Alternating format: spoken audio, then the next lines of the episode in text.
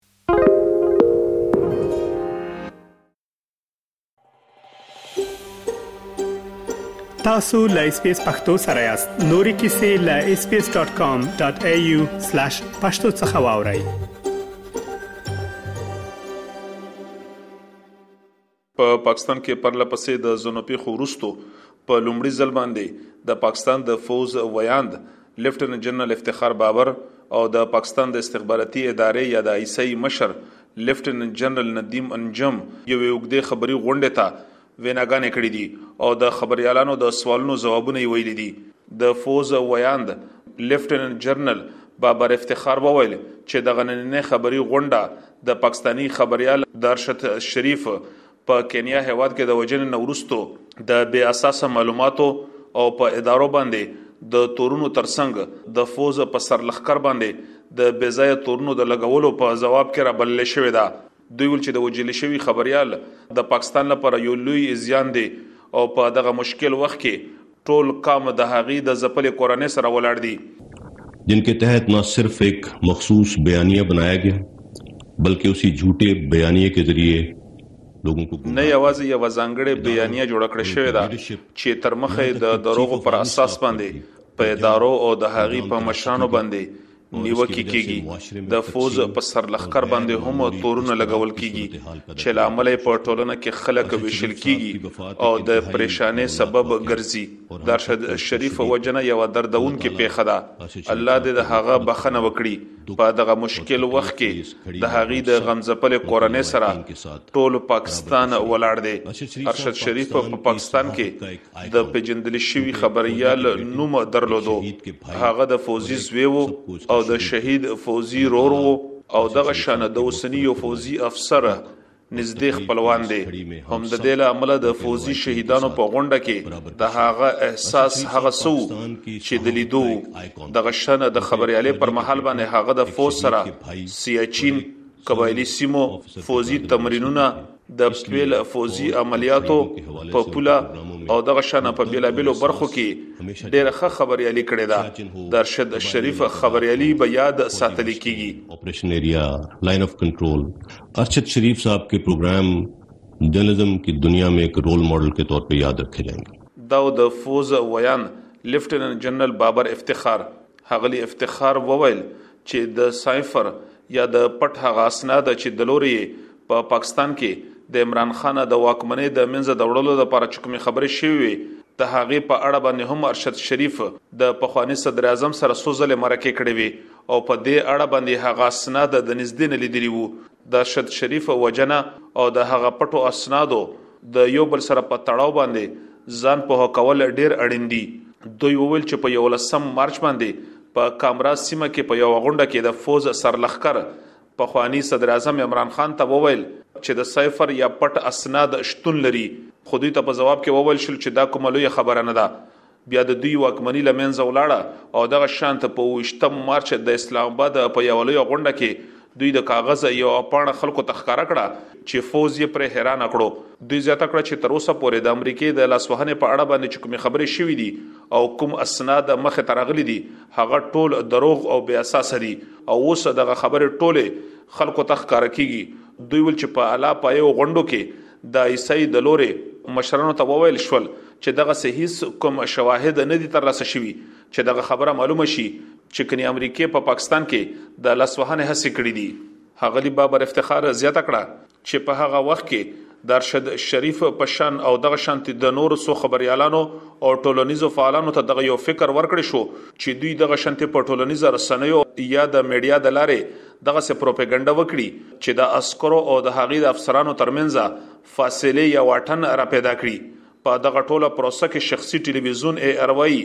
تر ټولو مهمه برخه واچوله. دوی وویل چې د فوځ په سرلښکر باندې هم سختې نیوکې وشوې او په هغې تورونه ولګول شول. دوی زیاته کړه چې ارشد شریف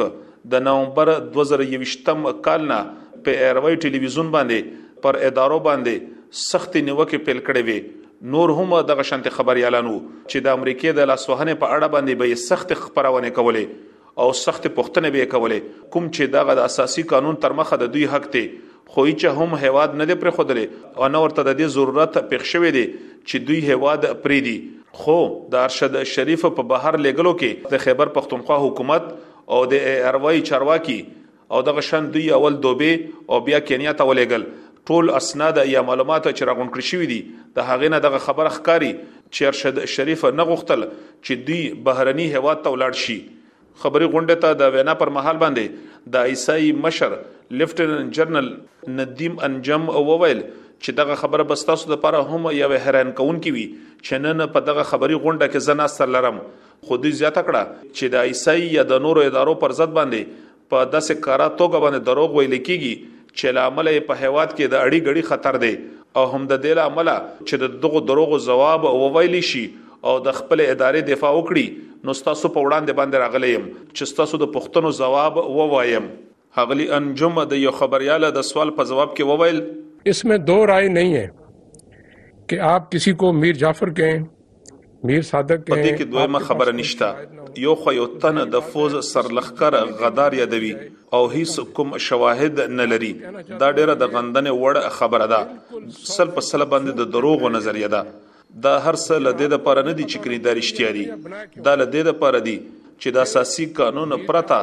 ادارې له د لپاره کار وکړي او د د واکمنۍ وساتي چې هغه کله دغه شند کولو نه انکار وکړو نو پر دوی باندې بې ځای نیوکې پیل شوې تاسو ته معلومه ده چې تیر کال په هیواد کې اسټابلیشمنت په یو ښکارا توګه باندې یو پریکړه وکړه او دا یوازې د یوې ادارې فیصله نه و چې په سیاست کې بلاسوهنه نه کوي د فوز سرلخر هم دغه وویل چې دوی به په سیاست کې هیڅ لاسوهنه نه کوي او د هغې پر وینا باندې سل په سل باندې عمل پیل دی اور آرمی چیف نے یہ فیصلہ کیا کہ ہم نے جو بنیادی فیصلہ کیا ہوا ہے کہ اپنے آپ کو آئینی کردار پہ محدود رکھنا ہے ہم اس سے نہیں ہٹیں گے داؤد عیسائی مشر لیفٹیننٹ جنرل ندیم انجم په خبري غونډه کې وویل شول چې عمران خان د فوز د سرلخکر نه د خپل د واکمنۍ د بچکولو لپاره هغه ته په خپل سوکې باندې تر نامعلومه مودې پورې د پاتې کېدو وړاندیز هم کړی وو خو دغه شان د فوز سرلخکر دغه خبره منلو نه انکار وکړو د فوز ویاند او د ایسای مشر وویل چې یوخوا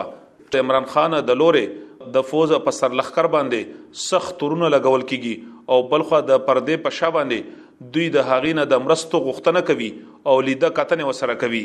په غونډه کې وویل شول چې د 2022م کال د اګست په پیل کې د خیبر پښتونخوا د واکمنو د لورې یو لاسلیک جاری کړی شو چې په کوم کې وویل شول چې د ای ار وای ټلویزیون سره کارکونکي ارشد شریف ژوند ته خطر یا ګواښ ورپېښتي. په معلوماتو کې دغه خبره رامخې ته شوه. د معلوماتو ترمخه دغه پرېکړه د ایالت د مشر وزیر محمود خان په ځانګړې پرېکړه سره ترسره شوه په کوم کې چې ویل شوي وو چې د افغانستان په سپین بولدک کې د پاکستاني طالبانو یوه غونډه شوې ده او په هغې کې ویل شوي دي چې د پنډې سره په خواوشا سیمو کې به ارشد شریف په نښه کولی شي دغه شان د دغه پیښې په اړه باندې د مرکزی حکومت او د نورو دفاعي ادارو سره هیڅ کوم معلومات یا جزئیات شریک نکړي شول دغه شان دواړو مشرانو په غونډه کې وویل چې د دغه پیښې په اړه باندې پلټنې پیل دي او د هغې چې څونه معلومات دي د هغې د مخې د دراتلو لپاره دې انتظار وکړی شی او دغه شانته د بې ځایه معلوماتو ورکولو او د تورونو نه دې ډډه وکړی شی چې دغه شانته په کره توګه باندې د دې پلټنې سر ته ورسی. دوی دا هم وویل چې که چرته کې د ملګرو ملتونو یا د خبریالانو نړیواله سازمانونه د داسې قسمه پلټنو برخه جوړیدل غواړي نو پر هغې باندې به د پاکستان د استخباراتي ادارې یا د فوځ